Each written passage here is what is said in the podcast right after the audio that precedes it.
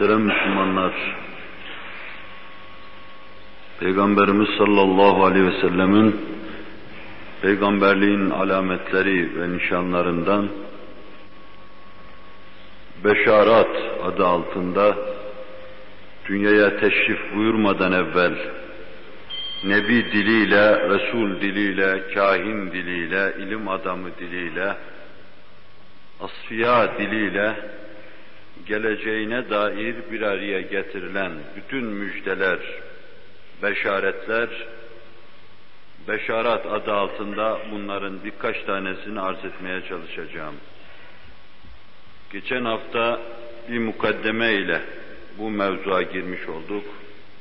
Tekrar hatırlatayım. Delail-i Nübüvvet adına inşallahü teala bunu son ders olarak arz etmeyi düşünüyorum. Bu faslı daha doğrusu belki bir iki mevzu daha takdim etmeyi düşünürüm.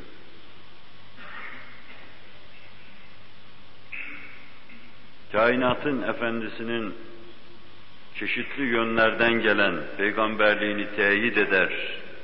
Müeyyitler, müeyyideler o kadar çoktur ki tek başına bunlardan her birerleri onun peygamberliğini gökyüzünde güneş gibi vazıh göstermiş olmasına rağmen yığın yığın şüphelerin, tereddütlerin imal edildiği bir devirde ne kadar çok delil bilirsek, o delilleri duyduğumuz zaman ne kadar onun hakkaniyetine ve nübüvvetine inanırsak, o kadar hayatımızda nurlu dakikalar kazanmış olacağız.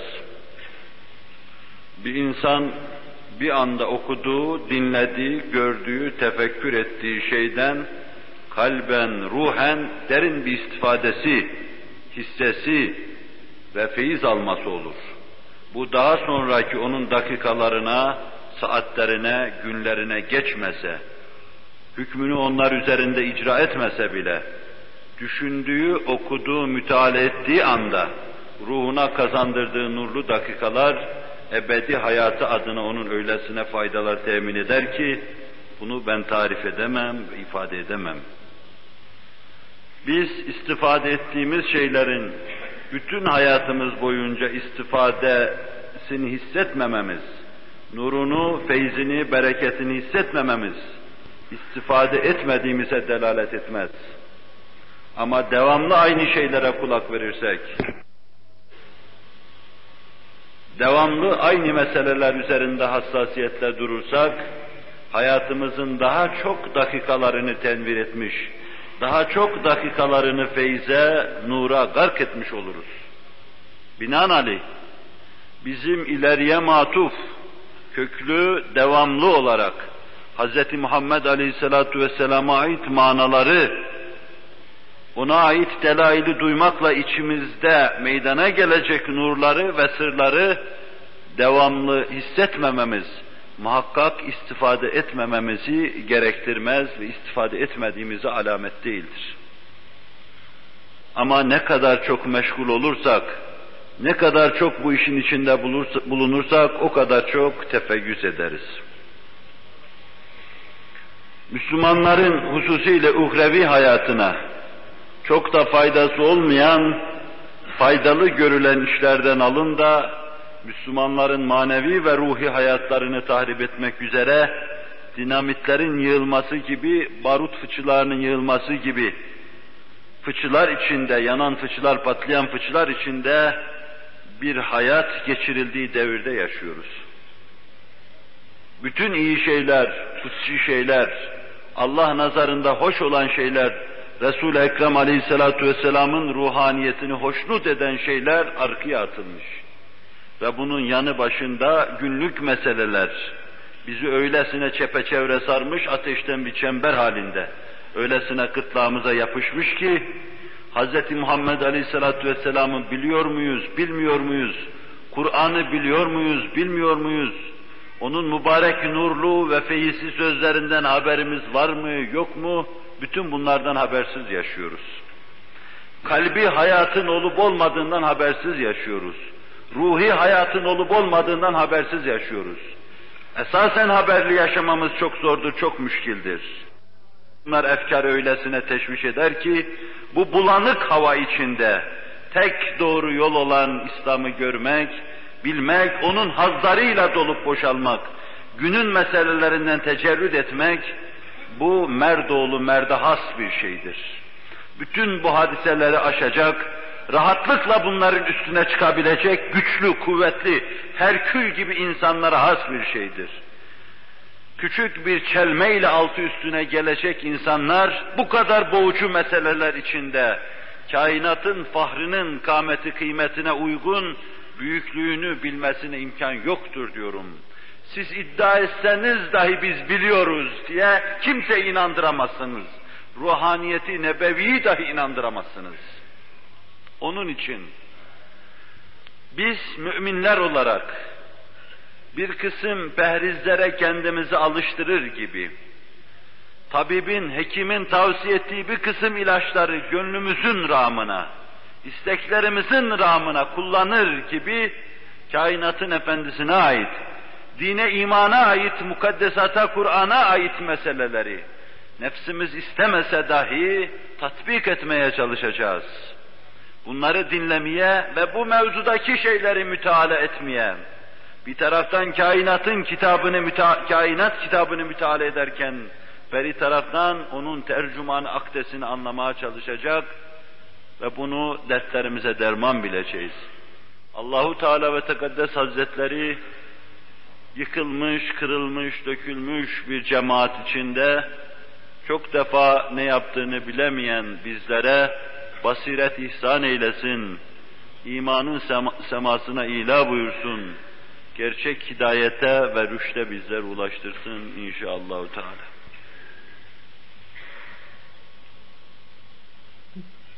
En son olarak arz ettim, inşallah bir iki ders halinde beşareti arz edeceğim. Tabi çok defa yeni kimseler olduğundan dersleri hulası etme lüzumunu duyuyorum bir fikir vermek için. Kainatın efendisinin kendine has sıfatlarını arz etme için de onu takdime çalıştım. Hususi sıfatlarından doğruluğu gibi, ismeti gibi, aklı gibi, fetaneti gibi, icraatı gibi, iyi bir devlet reisi olması gibi, iyi bir talimci ve terbiyeci olması gibi, iyi bir aile reisi olması gibi ve muhteşem inkılabının verasında bulunması gibi hususlarıyla teker teker her husus onun peygamberliğine delalet eder der, bu hususları arz etmeye çalıştım. Deyip arz etmeye çalıştım. Ve sonra az dahi olsa Kur'an-ı Mucizül Beyan'ın dışında mucizatından bazı hususları nakletmek suretiyle yine onun peygamberliğini göstermeye çalıştım. İleriye matuf meydana gelebilecek bütün hadiseleri bir televizyon ekranında seyrediyor gibi seyredip ümmetine haber veren Hz. Muhammed Aleyhisselatu Vesselam'ın bu hususuyla yine peygamberliğini arz etmeye çalıştım. Bir insan kendi devrine ait hadiseleri değerlendirebilir. Hatta devrinde sebepleri cereyan eden hadiselerin neticelerine muttali olabilir. 40-50 sene sonra beşer nasıl bir duruma girecek bunu belki bilebilir. Tahmininde çok defa yanılabilir. Ama birbirini takip eden, sebebi müsebbebi görmeden, hangi illetler hangi malulleri netice verecek bunları müşahede etmeden 14 asır sonra ümmetinin karşısına çıkabilecek hadiseleri teker teker sayıp dökmesi, bu ancak Cenab-ı Hakk'ın talimiyle, Allah'ın bildirmesiyle olan bir husustur. Nübuat adı altında gayıptan haber vermesi, Allah'ın bildirmesiyle adı altında bu hususu da arz etmeye çalışmıştım. Ve bir de kainatın efendisinin herkes semeresiyle kâmeti kıymetini gösterir. Onun meydana getirdiği semereyi arz etmek suretiyle yine peygamberliğine, nübüvvetine bir delil takdime çalıştım. Büyük insanlar, devlet reisleri, erkan harpler ortaya koydukları zaferlerle, yaptıkları inkılaplarla, hayati içtimaiyeye kazandırdıkları şeylerle kâmeti kıymetlerini göstermiş olurlar. Hz. Muhammed Aleyhisselatü Vesselam'ın kâmeti kıymetini 14 asırdan beri temadi eden dünyanın pek çok yerlerindeki devletleriyle, İslam devletleriyle, meydana getirdiği fertleriyle, kalpleri safi, kafaları safi, tertemiz büyük adamlar ve liderleriyle, evliyasıyla, asfiyasıyla arz etmeye çalıştım. Ve en son böyle gelecek büyük bir, büyük bir zattan haber veren peygamberlerin ve kahinlerin haberleri bahsi ki ben onların hepsine birden beşarat diyorum. Bu hususta bir iki ders arz etmeyi söz vermiştim. Cenab-ı Hakk'ın inayetine istinad ederek birkaç cümlede bu mevzuda söyleyelim. Allah yar ve yardımcımız olsun. Kainatın fahrını tanımaya bizleri muvaffak kılsın. İlimlerin insanları rüşte, hidayete götürmesine rağmen, ilimlerin tedevvün ve tekevvün ettiği, tedrisi için hususiyle bunların müesseseler kurulduğu bu devirde, ilim yapayım derken, cehli mükab içinde dalalete ve küfre sürüklenen yığın yığın insanlar vardır. Profesörler vardır, filozoflar vardır. Cenab-ı Hak ilimlerin tedvin ve tedevünündeki maksadı onlara gösterip hidayet eylesin. Ümmeti Muhammed'i gerçek ümmeti Muhammed olmaya irşad eylesin.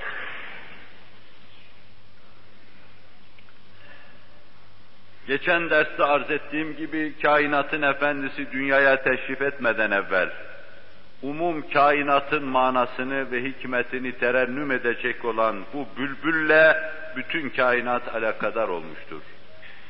Mucizatı içinde arz etmeye çalıştığım gibi canlılar, cansızlar, hayvanlar, ağaçlar, taşlar, topraklar ona hoş amedi etmişlerdir. İstikbal etmişlerdir teşrifatçılık yapmışlardır, haber vermişlerdir geleceğini. Bütün kainatın mana ve mahiyetini anlatacak. Kainat sahibini dile getirecek. Kainatın esrarını şerh edecek. Anatomisini yapabilecek. Hz. Muhammed Aleyhisselatü Vesselam'dan daha evvel bu maksatla ortaya çıkan, aynı büyük manayı üzerine alan, şanı yüce diğer nebilerin bahsetmemesine imkan yoktur. Onun için kainatın efendisinden bahseden, güçlü bahseden bir topluluk, bir cemaat de Allah'ın peygamberleridir. Hazreti Adem bahseder, Hazreti Nuh bahseder, Hazreti Musa bahseder, Hazreti Davut bahseder Zebur'un diliyle, Hazreti İsa Mesih bahseder İncil'in diliyle. Kainatın efendisinin geleceğini yığın yığın peygamber beşaret etmiştir. Çünkü hükmü sonunda bir kafiye gibi gelen Hz. Muhammed Aleyhisselatu Vesselam, onların getirdikleri bütün ahkamı imzalamıştır. Hz. Musa ne demiştir? Bizler için onun dediği her sözün doğru olduğunu kainatın efendisi imza atmıştır. Hz. İsa ne demiştir? Dediği her söze kainatın efendisi imza atmıştır. Kur'an-ı Mucizül Beyan içinde bu hususu ifade eder işari olarak birkaç ayet vardır. Buhari, Müslim gibi muteber hadis kitaplarında da mahkeme-i kübrada insanlar haşr olacağı zaman, Hz. Nuh'un ümmeti istintak edildiği zaman kainatın efendisini ümmeti Muhammed'i şahit gösterecek. Ümmeti Muhammed de bu mevzuda şehadet edecekler kendisine. Binaenaleyh kainatın efendisi, umum peygamberlerin peygamberliklerinin ümmetleri içinde icra edildiğine dair Allah nazarında tek şahit fakat binlerce şahide muadil tek şahittir. Dinde esasen tek şahidin şehadeti makbul değildir. Zina gibi hüduda müteallik meselelerde dört şahit, hırsızlık gibi meselelerde iki tane şahit, vakıa tek şahidin şehadetinin makbul olduğu çok hususi mahaller olmuş ama hususi o mahalle mahsustur o şehadet. Fakat kainatın efendisinin, kainatın sani adına ve peygamberlik adına gelen kütübü münzelenin hakkaniyeti adına şehadeti tek başınadır. Fakat binlerce şahide muadil bir şehadettir. Çünkü öyle bir şahittir ki biz kainatın diliyle, canlı ve cansızların diliyle, onun icraatının diliyle, beşer hayatında meydana getirdiği inkılabın diliyle, fetihlerinin diliyle, idare ettiği devletin diliyle, insanlığa idare ettiği devleti kabul ettirmesinin diliyle, bütün varlıklar olarak onun peygamberliğine şehadet ediyoruz. Demek ki ona şehadet eden her dil, adeta onun adına şehadet ediyor. Herkes diyor ki ya Rabbi o doğrudur, doğru söylüyor. O fetundur diyor. O sadıktır diyor. Herkes onun doğruluğuna, fetanetine, bu mevzudaki dirayet ve kiyasetine şehadet ediyor. İşte böyle çaplı, geniş bir şehadetle Hz. Muhammed Aleyhisselatü Vesselam peygamberlerin peygamberliğine şehadet edecektir. Onun için nübüvvetlerini ilan edecek, bütün insanlığa duyuracak Hz. Muhammed Aleyhisselatü Vesselam'ın geleceğiyle bütün peygamberler alakadar olmuşlardır. Kainatın fahri geliyor diye. Hatta bir bakıma ona yakın olarak dünyaya gelen teşrif eden ve ona yakın olarak vazife yapan diğer peygamberler ona kurbiyetlerinden ötürü ayrı şeref alıvermişlerdir. Hazreti Adem'den Hazreti Nuh'a kadar ne kadar peygamber geldiğini bilemiyoruz. Hazreti Nuh'tan Hazreti Musa'ya kadar ne kadar peygamber geldiğini bilemiyoruz. Ama kainatın efendisine doğru geldikçe peygamberlerin de ulul azm peygamberler arasında yerlerini aldığını görüyoruz. Hazreti Nuh gibi, Hazreti Musa gibi, Hazreti İbrahim gibi. Diyebiliriz ki bir bakıma kainatın efendisine intisabiyle, onunla olan münasebetinin kuvvetiyle peygamberliğin üstünde, nübüvvetin nübüvvet manası üstünde değil, peygamberliğine fazla olarak Cenab-ı Hakk'ın o peygamberlere bir lütfu ifade edilse sezadır. Kainatın efendisiyle küçük bir münasebeti olan bir nebinin, nebiliğinden başka ondan Allah'ın lütfundan bir istifadesi olmuştur. Ümmeti Muhammed olarak ona intisabı, ona nispeti iddia eden ve o iddia ve nispet ile ortaya çıkan bizlere ondan gelecek büyük lütufları, ihsanları Cenab-ı Hak esirgemesin, lütfetsin, inayet eylesin, o nispetle bizleri serfiraz ve şeref yap kılsın inşallah Teala.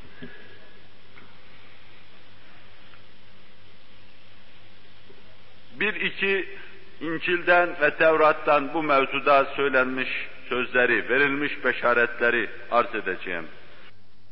Daha önce bu mevzuda Hüseyin Cisri gibi allamelerin, Allame Hindi Rahmetullah Efendi gibi İsharul Hak'ta anlattığı şeylerin bu mevzuda kafi ve vafi olduğuna kaniyim. Evvela o işaretlerden bir iki tanesini arz etmeyi düşünüyorum.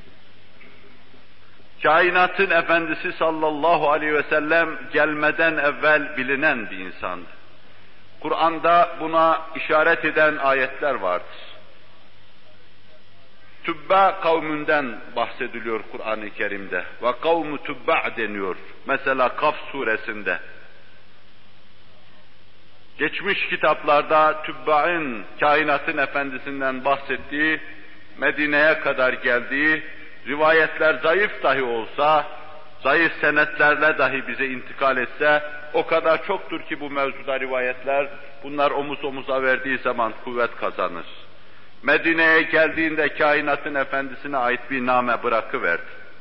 Ve sonra o sülaleden Ebu Eyyubil Ensari Hazretleri Efendimiz sallallahu aleyhi ve sellem evine teşrif edince istedi. Bana ait bir name vardır onu getir dedi.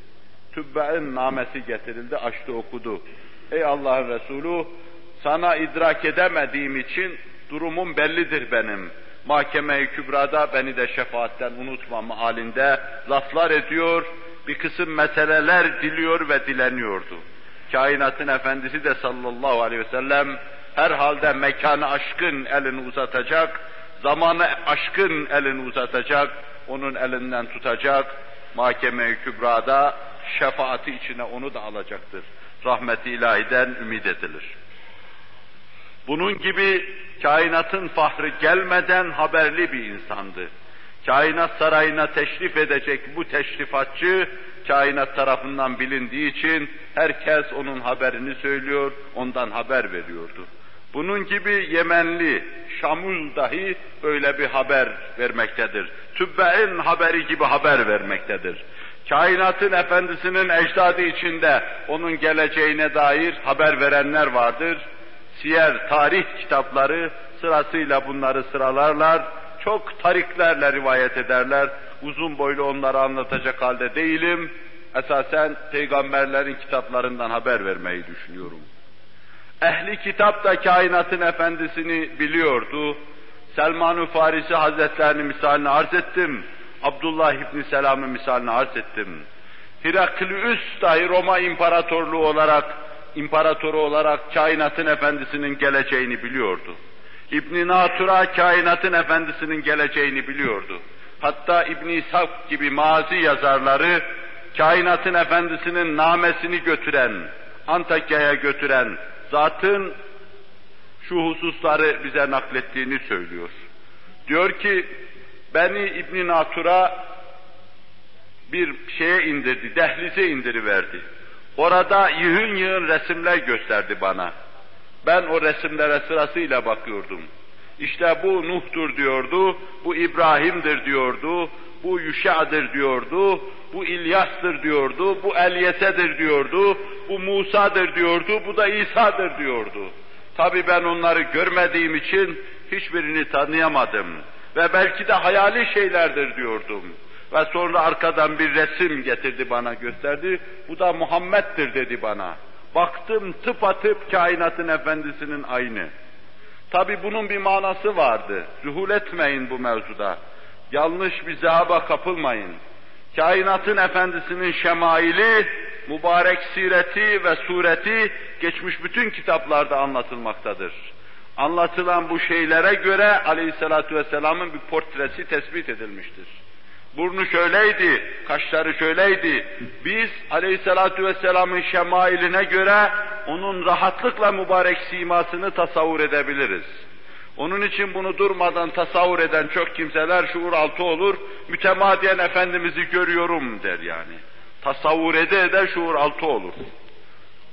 İmam-ı Rabbani gibi kimseler buyururlar ki, aleyhissalatu vesselamın rüyada görülmesi, şemaile uygun şekliyle ve bir de Ravza-i Tahire'de olursa doğrudur. İşte şeytan bunu temsil edemez. Yoksa başka şekilde görünmesini, bir bakıma başka yerde olmasını temsil edebilirdir. Aleyhisselatu vesselamın siması o kadar açık, o kadar vazıh bilinmektedir. İşte buna göre eski ressamlar kainatın efendisinin resmini dahi tersim etmişlerdi, diyor. Bu mevzuda size bir Türkçe kitap da söyleyebilirim. Asım Köksal Bey'in Peygamberimiz sallallahu aleyhi ve sellem hayatına dair yazdığı birkaç mücellet içinde Efendimiz Roma İmparatoruna gönderdiği name münasebetiyle bu hususu anlatıyor. Der kenar dipnotlarda koymuş oraya. Ama bütün mağazi kitaplarında vardır bu husus. Kainatın efendisinin mübarek resminin gösterildiğini ve nameyi götüren Dehiyetül Kelbi'nin aynen Resul-i Ekrem gibi dediğini bütün kitaplar burada bize naklederler. Bu meselelerin vüsuku, sıhhatı mevzuunda münakaşa yapılabilir ama o kadar çoktur ki münakaşa yapan insan kaybeder bu meselede. O kadar çok tariklerle anlatılmaktadır. Demek oluyor ki kainatın efendisini devlet reisinden onun kapıcısına kadar herkes bir bakıma biliyordu. Biliyordu ama وَلَمَّا جَاءَهُمْ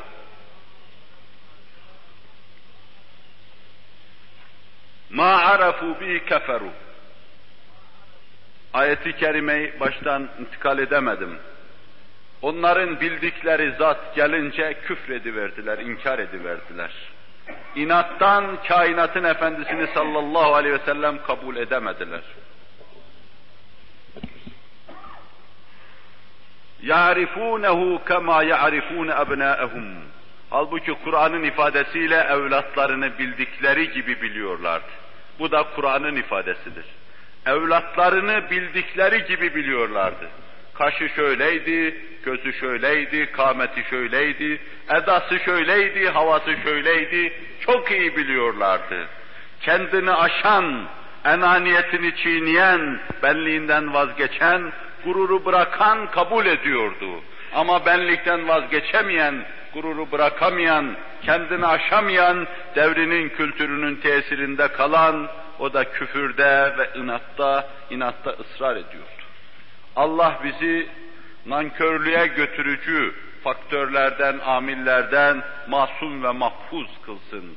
Peşin hükümlerden masum ve mahfuz kılsın. Kainatın efendisini tanıyoruz, bu tanımayı ikmal buyurup, kâmeti kıymetine uygun tanımaya muvaffak eylesin. Bu hayra rahip Resul-i Ekrem aleyhissalatu vesselam'dan haberliydi. Bunu da yine mazi yazarları İbn İshak gibi kimseler, İbn Şam gibi kimseler naklediyorlar. Bu hususta şu vakayı naklederler bize. Kainatın efendisi amcasıyla daha çocukken Şam tarafına seyahat yapıyordu. Şam ve Yemen tarafına seyahatı Kur'an-ı Kerim anlatır. لِإِيلَافِ قُرَيْشٍ اِيلَافِهِمْ رِحْلَةَ الشِّتَاءِ وَالصَّيْفِ Yaz seyahatini bir tarafa, kış seyahatini bir tarafa yaparlardı. Bu seyahatler ticari mahiyetteydi. Ve bu hususta etrafın eşkıya ile dolup taşmış olmasına rağmen Allah Celle Celaluhu onlara emniyet ve esenlik vermişti. Minnet olarak bunu onlara söylüyor Kur'an-ı Mucizül Beyan. İşte bu seyahatlerden bir tanesinde kainatın efendisi de bulunuyordu. Ebu Talip, Ebu Talip kafilesi içinde kainatın efendisi de vardı. Şam'a yaklaştıkları zaman kainatın efendisini bir çocuk, delikanlı kervanın yanında bırakıverdiler. Rahip manastırın bir deliğinden seyrediyordu. Rivayetler muhtelif. Kainatın efendisi yürürken başında bir bulut yürüyordu. Ki bu seyri kasidesinde bunu anlatır. Kainatın efendisi bir yerde oturduğu zaman, durduğu zaman bulutta başında duru veriyordu. Ve kainatın efendisi bir ağacın altında oturduğu zaman ağaç onun üzerine eğiliyordu, abanıyordu, gölgelendiriyordu onu. Rahip bu manzarayı uzaktan seyredip gelen kafile içinde çok mühim bir zatın olacağı kanaatine vardı. Ama kafile gelince baktı ki onların içinde yok o zat. Yine o işler olan esrarengiz hadiseler orada cereyan ediyor. Ve kainatın efendisini çağırdı, yanına getirdi, sordu, tahkik etti. Bunun Şam'a götürülmemesini tavsiye etti. Bu esasen tenkit edilen bir vakadır Müslümanlar tarafından. Tenkit ederken de hedef şudur. Kainatın efendisinin peygamberliğinin rahip Buheyra tarafından teyit edilmesine, tasdik edilmesine lüzum yoktur. Açık ve seçiktir. Herkes bilir onun peygamberliğini derler ama bir sırtlan dahi kendi kâmeti kıymetine göre kainatın efendisinin peygamberliğine delalet ediyorsa bu kainatın efendisini küçültmek küçültmez, aksine büyütür. Belki onun büyüklüğüne delalet eder, şehadet eder. Esasen çıkış noktası bakımından pek mantıki değildir. Ama vaka bize nakledilişi itibariyle hadis kritiği içinde zaafı söylenecek olursa fenimel matlub deriz. Evet bu mevzuda nekkat bu vakanın zaafını söylemişlerdir. Ama er zayıf olan şey aslı yok demek değildir. Cemaate böyle şeyleri söylemek doğru değil ama çok defa teyiplerde de mesele dinlendiği için tenkite meydan vermeme maksadıyla cemaati ilgilendirmeyen bu tahkiklere ve tenkitlere de giriyorum. Cenab-ı Vacibülcud af buyursun, bağışlasın.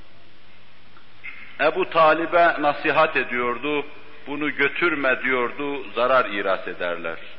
Bir bakıma zavallı bilmiyordu ki, Cenab-ı Hak büyük bir hakikati neşretmekle vazifeli kıldığı zatı sonuna kadar koruyacaktır. Cihan bir araya gelse ona zarar veremeyecektir. Bu kadarını bilemiyordu tabi. Demek ki kiliselerin boş duvarları içinde rahipler kainatın efendisinin geleceğini biliyorlardı ve etraflarında bu nura muhtaç, bu feyze muhtaç kimselere onu beşaret ediyorlardı.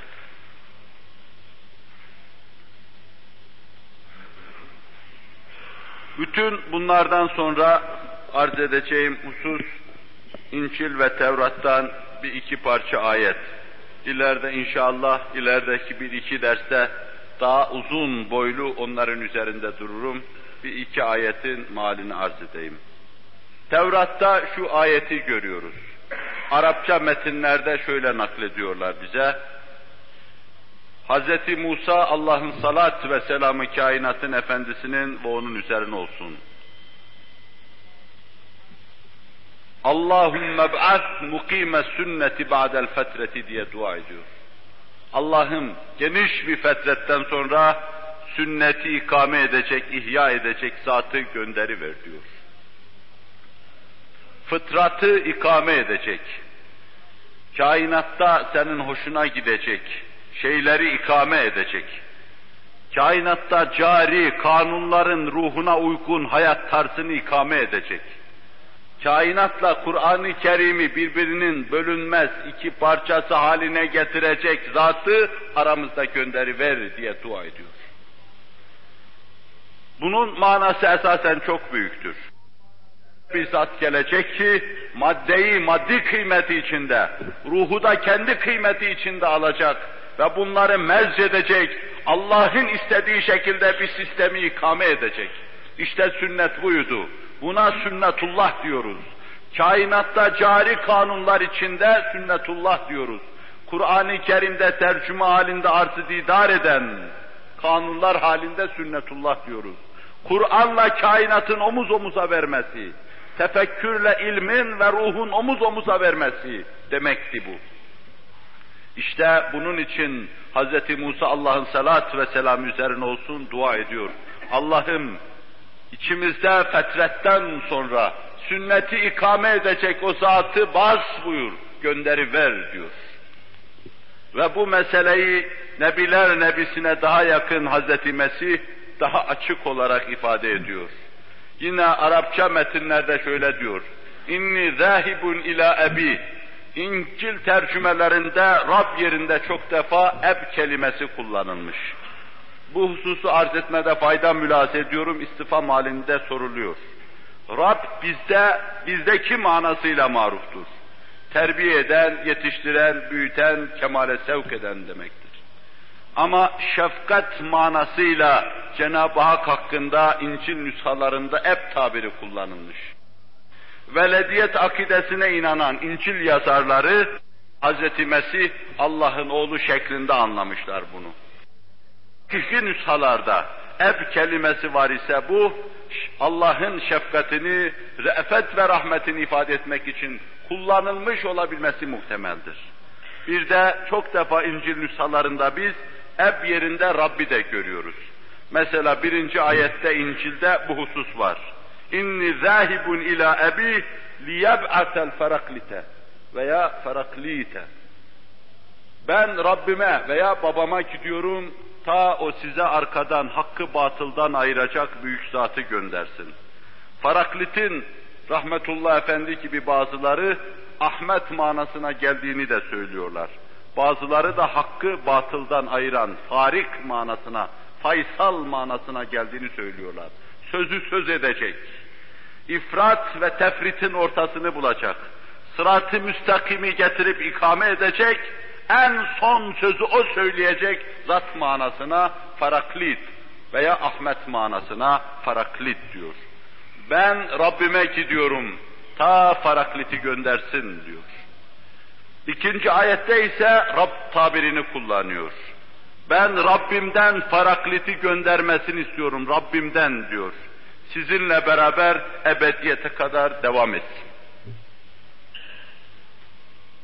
uzun boylu olmamak kaydıyla bu iki mesele üzerinde esasen durmak iktiza eder. Hz. Mesih başka bir ayette İncil'de şöyle diyor. Benim daha size söyleyecek çok sözlerim vardı. Fakat siz onlara tahammül edemeyeceksiniz. Ben gidiyorum o sözleri size faraklit söyleyecektir. Hz. Ahmet aleyhissalatu vesselam söyleyecektir. Veya hakkı batıldan ayıracak söyleyecektir beşerin o günkü tansiyonu, o günkü havası, o günkü kalbi yapısı, Kainatın efendisinin söyleyeceği bu tonlu sözleri hazma müsait değildi. Beşer olgunlaşacak, Hz. Muhammed Aleyhisselatü Vesselam'a ümmet olma liyakatını kesbedecek ve sonra paraklit Hz. Ahmet gelecek, son sözü söyleyecekti. Kainatın efendisiyle Hz. Mesih arasında böylesine söz söylemiş bir zatın geldiğini tarih bize söylemiyor. Kainatın efendisiyle Hz. Mesih arasında beşere söz söylemiş, sözünü cemiyetlere, kitlelere, topluluklara dinletmiş, devletler kurmuş. Hz. Musa, Hz. İsa ayarında bir peygamberin geldiğini tarih yazmıyor. Ne küfür tarihi ne de müminler tarihi tarihi edyan böyle bir şeyden bahsetmiyor. Demek oluyor ki Hz. Mesih'ten sonra son sözü söyleyecek, küreyi arz üzerinde söz sahibi, beşere sözünü dinlettirecek, tek yekta müstesna zat Hz. Muhammed Aleyhisselatu Vesselam'dı. İkinci ayette çok daha açık olarak diyor ki, ben Rabbimden Faraklitin gelmesini istiyorum, ta ebediyete kadar sizinle beraber kalsın. Yani ma kana Muhammedun eba ahadin min ricalikum velakin Resulallah ve hatemen nebiyyin. O nebilerin hatemi olsun. Bir bakıma yüzüklerinin taşı olsun, iş bitsin. Bir bakıma mühür olsun, bir bakıma da nebilerin en sonuncusu olsun. Manaya hangi yönüyle ele alırsanız alınız, Hz. Muhammed Aleyhisselatü Vesselam, Nebiler şiirinin sonunda kafiye gibidir, elde bir mühür gibidir, onunla biter her şey ve aynı zamanda kelimenin manasıyla en sonuncudur, ondan sonra Nebi gelmeyecektir. Ve kendisi de ifade buyurduğu gibi Buhari Müslim'de la nebiyye ba'di benden sonra peygamber yoktur artık. Benden sonra peygamber gelmeyecektir. Ebediyete kadar sizinle devam etsin diye Faraklit'in gelmesini istiyorum. Yani benimle kıyamet arasında Faraklit'ten başka peygamber gelmeyecektir. Son sözü o söyleyecek ve hükmü kıyamete kadar devam edecektir. Arada başkasını düşünmeyiniz.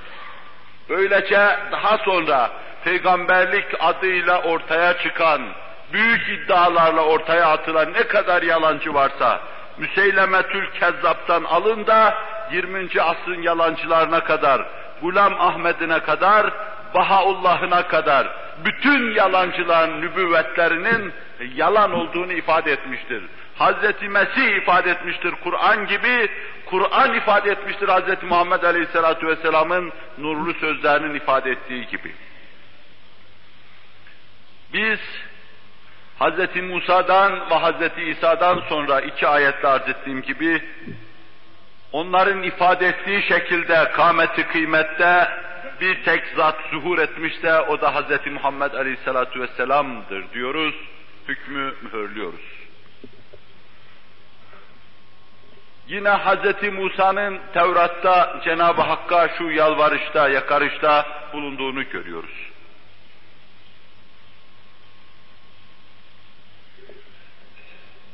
O Tevrat'ta bir ayet gördü. Ayet Arapça metinlerde şöyle, Kur'an-ı Kerim'de ümmeti Muhammed'i anlatan kelimelere çok yakın. Ümmetün hayru ummetin uhricet linnâsi te'murûne bil ma'ruf ve tenhevne anil munker. Bir ümmet ahir zamanda zuhur edecek ama ümmetlerin en hayırlısı bir ümmet. Emru bil maruf yapacak, nehyanil münker yapacak kötülüklerin karşısında tahşidat yapacak, cemaatleri iyiliklere doğru sevk edecek. Ferden ferda, cemaaten cemaate herkes en büyük vazife, en kutsi vazife, dinin müeyyidesi olan emru bil marufi yapacaklar. Bu ayeti Tevrat'ta görünce Hz. Musa, Allah'ım bu ümmeti benim ümmetim eyle dedi. Ahir zamanda zuhur edecek, bu ümmeti bana ümmet eyle diyordu ne zaman zuhur edeceğini de bilmiyordu. Allah Celle Celaluhu o ümmeti Muhammed'dir buyurdu. Hz. Muhammed Aleyhisselatü Vesselam zuhur edecek ve o ümmet ona ümmet olacaktır senin ümmetin değil. Bu tıpkı Kur'an-ı Kerim'de kuntum hayre ummetin uhricet linnâsi te'murûne bil ma'ruf ve tenhevne anil munkar ve tu'minûne billah. Siz ümmetlerin en hayırlısısınız. Tevrat'ta anlatıldığı gibi.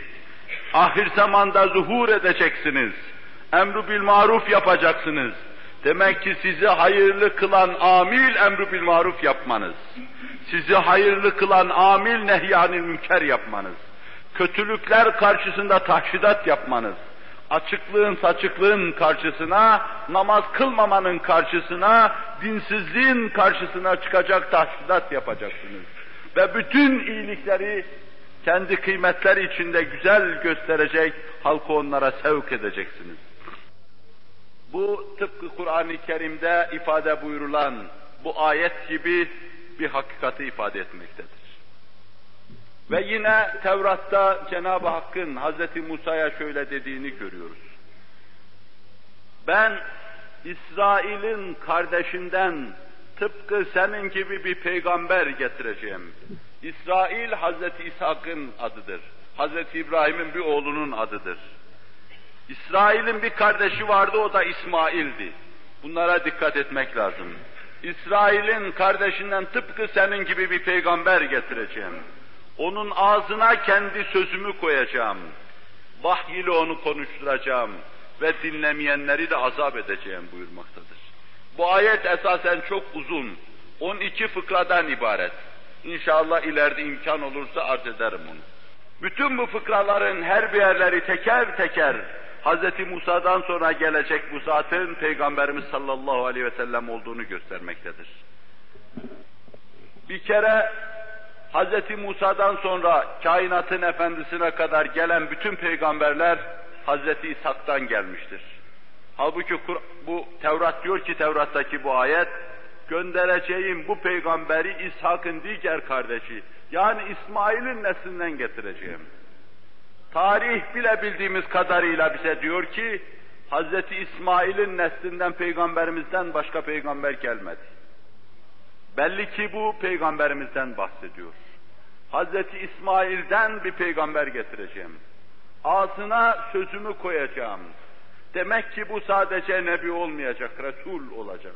Demek kitap sahibi olacak. Allah Celle Celaluhu emirlerini ona tebliğ edecek, o da Allah'ın emirlerini konuşacak. Vahiy ile onu konuşturacağım. Ve ma yantiku anil heva ayeti kerimesini ifade etmektedir. Heva ve hevesine göre konuşmayacak. O yalancı peygamber olmayacak. Dost doğru söyleyecek. Heva ve hevesine göre ifadede bulunmayacak. Allah'ın vahyini dile getirecek. Ve sonra ona inanmayanları da azap edeceğim saadet asrında, mütakip asırlarda ve inşallah daha sonraki asırlarda kainatın efendisine iman etmeyen kimseler, dinlemeyen kimseler Allah tarafından azaba duçar olacaklar. Şimdiye kadar yığın yığın milletler azaba duçar olmuştur. Bundan sonra da pek çokları duçar olacaklardır. Cenab-ı Vacibül Vücut ve Tekaddes Hazretleri bizleri hidayet eylesin, irşad eylesin, dalalet ve küfrana sapmadan masum ve mahfuz buyursun. Bunlar sadece iki üç tane, iki üç cümlelik ayetlerden ibaretti. Tek başına bunlar kainatın efendisinin sallallahu aleyhi ve sellem Tevrat'ta ve İncil'de haber verilen zat olduğunu göstermektedir. Bununla beraber ileride inşallah bunları arz ettikten sonra daha sarih adıyla bahseden şeyleri de göstereceğiz ki çünkü Kur'an-ı Kerim'e itimadımız var. Ye'ti min ba'd ismuhu Ahmet diyor. İncil'de yazılı olan şey doğrudan doğruya Hazreti Ahmet olarak ondan bahsetmektedir. Binaenaleyh Barnaba İncil'inde de çok açık olarak Ahmet gelecek, Faran dağlarında değil Mekke dağlarında zuhur edecektir diyor.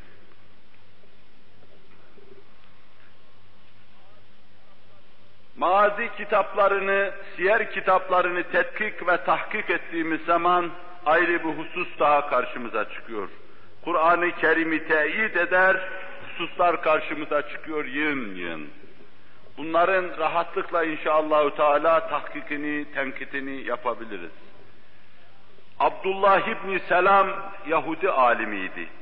Kabul Ehbar Yahudi alimiydi. Muhayrik Yahudi alimiydi.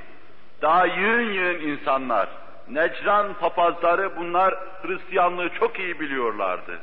Bunlar kainatın efendisinden sallallahu aleyhi ve sellem sarih olarak bahsediyorlardı. Bunlar arasında Abdullah İbni Amr İbni As, Kabul Ahbar ve Abdullah İbni Selam'ın Tevrat'tan naklettikleri şu ayet var ki, Kur'an'ın ayetlerinden bazı noktalarda ayrılmakta, bazı noktalarda birleşmektedir. Bunu da bu mevzuda yine mazi kitapları bize naklediyor. Aynen şöyle diyor, başı Kur'an ayeti. Ya eyyühen nebiyyü inna erselnâke şahiden ve mübeşşiren ve nezira. Sahabi naklediyor. Ve hirzen lil ummiyyin. Ente abdi ve semmeytükel mütevekkile. Buraları Kur'an'ın ayetlerinde yok, başı var. Ey Nebi seni şahit olarak gönderdim bütün peygamberlere. Ümmetine şahit olarak gönderdim. Ve tebşir edici olarak gönderdim. Aynen Kur'an'ın ayeti. Eğri yolun encamından sakındıran bir nezir olarak gönderdim. Ve hirzen lil ümmiyin. Ümmi cemaati aleyhissalatu vesselam biz ümmi bir cemaatiz buyurmaktadır. Öyle hesapla mesapla iş yapmayız. Onun için hilali görmekle oruç tutarız buyurmaktadır Buhari ve Müslim'de. Hesapla değil, takvimle değil. Biz ümmi bir cemaatiz buyurmaktadır. Nahnu maaşirel ummiyin. Hesapla, matematikle değil, objektif alem şumul bir dindir. Çobanından ilim adamına kadar, rasathanesinde bekleyenine kadar herkes dini umuru bizzat yapabilecek şekildedir din. Çok basittir. İktisadi yapısı onun öyle karma karışık hesaplarla değil, çok basit, bir avamın dahi anlayacağı şekildedir. Sehli mümteni olarak takdim edilmiştir. Kim baksa ben de yaparım der ona, fakat hiçbir zaman yapamaz. Çünkü alem şumul bir dindir bu. Aleyhissalatu vesselam biz ümmi bir cemaatiz derken, en safi cemaatin dahi bütün dini hayatı anlayacak, kavrayacak şekilde dini mevzuatla ortaya çıktım sözünü ifade etmektedir. Bunu karma karışık hesaplar haline getiren, iyice bulandıran ve yığın yığın yüzde seksen cemaatin içinden çıkaran, yüzde yirmi yarım düşünür insana mal eden kimseler dine kastediyorlar, İslam dininin ruhuna ters bir istikamet tutup gidiyorlar. Her şey çok basittir İslam'da. Cenab-ı Hak imkan versin inşallahü teala. Ricardo'nun, Adam Schmidt'in, yok Marshall'in bilmem karma karışık iktisadi hesaplarından bu işi çıkararak İslam'ın takdim ettiği besatet içinde takdime muvaffak kılsın. Çok basittir. Çoban İslam'ın iktisadi formüllerini anlayabilir. Ticari formüllerini anlayabilir. Çok rahattır. Ve alem şumul olması da esasen bundadır. Kimse aldanmaz bunda. Hesap karışıklıklarıyla kimse bir kısım aldanmalarla, bir kısım zararlara, husrana filan duçar olmaz. Cenab-ı Hak bu hususta da imkan versin, düşünürlerimize, ilim adamlarımıza basiret ihsan eylesin, gayret versin, yapılması gereken şeyleri yapmaya muvaffak kılsın inşallah Teala. Abdullah İbni Selam ve Emr ibn As gibi sahabe-i kiramın ileri gelenleri bize naklediyorlar. İnna erselnâke şahiden ve hirzen lil ümmiyin. Bir de sen ümmilerin hırzısın. Ümmi bir cemaatin reisi, ümmi bir cemaatin liderisin. Bu ümmetin vasfını anlatmaktadır. Ve sonra değişiyor, iltifat diyoruz muanda buna. Ente abdi ve semmeytükel mütevekkil.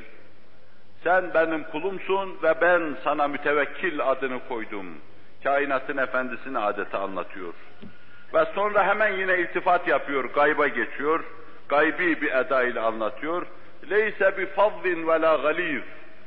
Ne o öfkeli, şiddetli, hiddetlidir, ne de meseleleri başkalarının başına kakacak nefret insanıdır.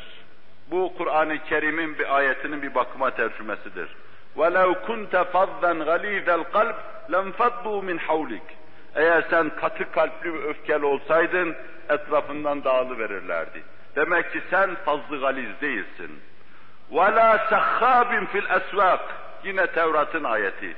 Çarşılarda bağırıp çağıran alışverişte sokaklarda çok sesi duyulan, ya kahkahayla veya konuşmayla, halk arasında sesiyle duyulan, tanınan, görünen bizzat da değildi o. Yani halim selimdi ve kurdu, sekine içindeydi, ciddiyet içindeydi. Kainatın efendisini anlatıyor sallallahu aleyhi ve sellem. Hazreti Ayşe de Efendimiz'i anlatırken, Hazreti Ali Efendimiz'i anlatırken, o sokaklarda bağırıp çağıran, çarşılarda alışveriş başında, sesi yüksekten, tisberden duyulan bir zat değildi. Demek suretiyle Tevrat'taki bu hususu anlatmaktadır. Ve sonra وَلَا يَدْفَعُ السَّيِّئَةَ بِالسَّيِّئَةِ بَلْ يَعْفُوا وَيَغْفِرُوا o seyyiyeye, kötülüğe kötülükle mukabele etmezdi. Belki kötülüğü affederdi, gözünü yumardı, yarlıgardı buyurmaktadır. Bunu ifade eden Kur'an-ı Kerim'de pek çok ayetler olduğu gibi hadis-i şeriflerde ve sahabinin ifadeleri arasında da pek çok ifadeler vardır. Çok açık olarak kainatın efendisinin mübarek siretinin resmini tersim eden bu Tevrat ayeti kainatın efendisinden senelerce evvel çok iyi tanıdığımız zatı haber vermekte, parmak basmaktadır. Öyle tanımaya Allah bizleri de muvaffak kılsın. Yar ve yardımcımız olsun. Tevfikat kütüphaniyesini yar etsin. Bu hususta zihnimde istihzar ettiğim daha birkaç ayet vardı. Vaktin müsaadesi nispetinde bir tanesini daha arz edeyim. Yine Tevrat'ta şu ayeti görüyoruz bu mevzuda. Hz. Musa'ya Cenab-ı Hak şöyle buyuruyor. Ben bir peygamber zuhur ettireceğim. Ama bunu Arapçaya çeviren kimseler, kainatın mübarek ismini kullanma mevzunda da, yerleri kullanma mevzunda da, tarihte daha evvel o yerlere verilen isimlerle ifade ediyorlar. Mesela Efendimizin adından belki çok defa açık bahsedilmiyor da müşeffeh deniyor. Ama İbranice'de, Süryanice'de bu kelime Muhammed'in veya Ahmet'in karşılığı oluyor. Münhamenna deniyor mesela veya himyata deniyor. Bunlar Ahmet'in veya Muhammed'in karşılığı oluyor Süryanice'de. Aynen öyle de coğrafi olarak bir kısım yerlerden de bahsediliyor. Mesela Bedir'den bahsediliyor. Mekke'den bahsediliyor, Medine'den bahsediliyor, Şam'dan bahsediliyor. Eski devirlerde, eski tarihler o yerlerden hangi isimle bahsediyorlarsa o isimlerle bahsedilmiş oluyor. Mesela bir yerden bahsediyor, diyor ki yanından Dicle geçer, öbür tarafın yakın bir yerinden de Fırat geçer, bir tepenin üstündedir diyor. Şöyle bağ, şöyle bahçesi vardır, iklimi şöyledir diyor ve hurma da yetişir diyor. İnsanın aklına gelir ki bura olsa olsa Bağdat olur, başka yer olmaz. Ve sonra ikliminin mutedir olduğunu anlattığı bir yer oluyor. Eski kitaplar. Diyor ki narenci olur, şu olur bu olur diyor. Şöyle çağlayanları vardır, suları vardır. Ara sıra karda düşer tepelerinin başına diyor. İnsanların renkleri de şöyledir, tansiyonları şöyledir, asapları şöyledir diyor. İnsanın aklına geliyor ki olsa olsa Suriye olur bu diyor. Başka ihtimale lüzum yok. Büyük bir nehir geçer diyor. İçinde büyük gemiler yüzerler diyor. Hatta o gemiler olmadan bir tarafından bir tarafına geçilmez diyor. Ve o oranın binidir, bereketidir diyor. Bütün çölü sular. insanın aklına geliyor ki bu olsa olsa Nil olur, başka şey olmaz diyor. Aynen bunun gibi. Böyle karinelerle, emarelerle bir kısım yerlerden bahsediyor. Ve o devlet göre coğrafi isimlerden bahsediyor ama bunu bizim İslami kaynaklara intikal ettirirken asıl şekliyle, hedef neyse onunla ele alıp böyle ifade ediyorlar. Binaenaleyh Tevrat ayeti ifade ederken Mekke'ye başka bir ad söylüyor. Belki yine Kur'an-ı Kerim'de geçtiği gibi, hadis-i şeriflerde geçtiği gibi Bekke diyor. Ama o doğrudan doğruya bizim tercümecimiz Mekke olarak ele alıyor. Diyor ki Mekke'de zuhur ettireceğim o peygamberi. Hicret yurdu Medine olacak. Yesrib diyor. Hicret yurdu Medine olacak. Mülkü Şam'da bulunacak. Ümmeti de Hammadundur diyor. Hammadun kelimesinin üzerinde iki sene evvel tefsir dersinde durmuştum uzun boylu. Bu ümmetin daha evvelki ümmetler arasında adı Hammad'dır. Bu ümmetin livaül hamdi Hz. Muhammed sallallahu aleyhi ve sellemin elindedir. Aynı kökten gelen bu ümmetin peygamberi Ahmedi Mahmud'dur sallallahu aleyhi ve sellem. Bu ümmetin kitabının başında elhamdülillah vardır. Bu elhamdülillah bütün kitabın Kur'an-ı Mucizül Beyan'ın hulasasıdır. Binaenaleyh hamede kökün, köküyle bu ümmetin çok sıkı fıkı alakası vardır. Bu ümmet ümmeti Hammadundur. Tevrat bunu anlatıyordu. Aleyhissalatu vesselam Mekke'de zuhur edecek. Hicret yurdu Medine. Medine'de hilafet devam edecek. Ama Şam'da melikler meydana gelecek. Emevi devrinde, devrinde olmuştur bu mesele. Mülkü oradadır demek sözüyle orada melikler meydana gelecek. Hilafet kendi çapında demek artık orada icra faaliyet edemeyecek, hakim olamayacak. Ve ümmeti de ümmeti Hammadundur. Allahu Teala ve Tekaddes Hazretleri bizleri hamd edenler içine ilhak buyursun. Bizleri payidar eylesin. Ezan okundu mu? Evet. Bugünlük alet-i ruhiyem itibariyle de bu kadarlıkla iktifa etmeyi düşünüyorum. Cenab-ı Hak imkan bahşederse bu işaretlerden ve beşaretlerden ki Allame Hüseyin Cisri yüz kadar Risale-i Hamidiyesinde tespit etmiş ve yapılan tahrifleri de Allame Hindi Rahmetullah Efendi İsharul Hak'ta tespit etmiş. Tevrat'ı Tevrat okuyandan, İncil'i İncil okuyandan çok iyi bilen bir insandır. Bin sayfadan ibaret İsharul Hak kitabında onların bu mevzudaki bütün yanlışlıklarını, İslam hakkındaki yerini, yersiz isnatlarını uzun boylu anlatmış. Ben bu hususta bir şey söylemek iktiza etseydi o kitabın bu hülasasını takdim etmeyi düşünüyordum. Fakat imkan olmadı. Şimdiye kadar söylenen sözler söylenmişler. Ben sadece birkaç parçasını nakille istifa ettim. Önümüzdeki derste de bunlardan bir iki parçasını arz ettikten sonra sarih rivayetleri söyleyip inşallah imanın bir başka rüknünü arz etmeye intikal edeceğim. Allah yar ve yardımcımız olsun. Lillahi Teala'l-Fatiha. ولما جاءهم كتاب من عند الله مصدق لما معهم وكانوا من قبل يستفتحون على الذين كفروا فلما جاءهم ما عرفوا كفروا به فلعنة الله على الكافرين. صدق الله العظيم. وبلغنا رسوله النبي الهاشمي الكريم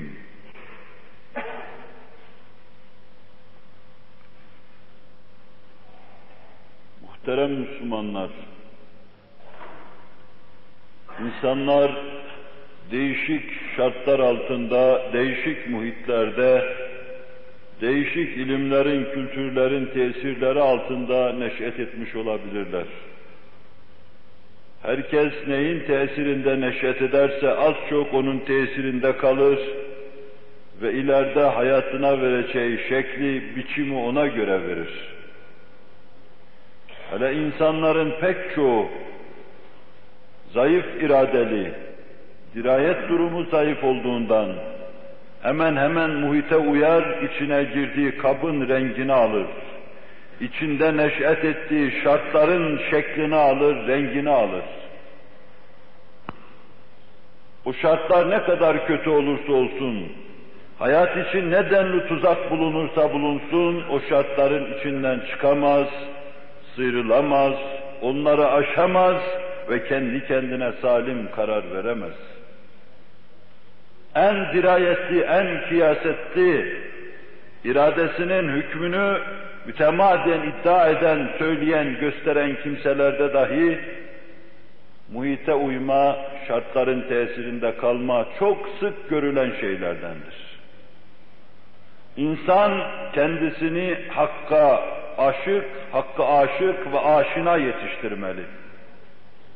Muhiti şartları ne olursa olsun, karşısına hak çıktığı zaman onu kabul edecek havaya hazırlamalı karşısına çıkacak hakkı kabul etmeye hazır değil ise bir insan, karşısına çıkacak hakkın kâmeti kıymeti ne olursa olsun o ona karşı yabancı kalacak ve kabul edemeyecektir.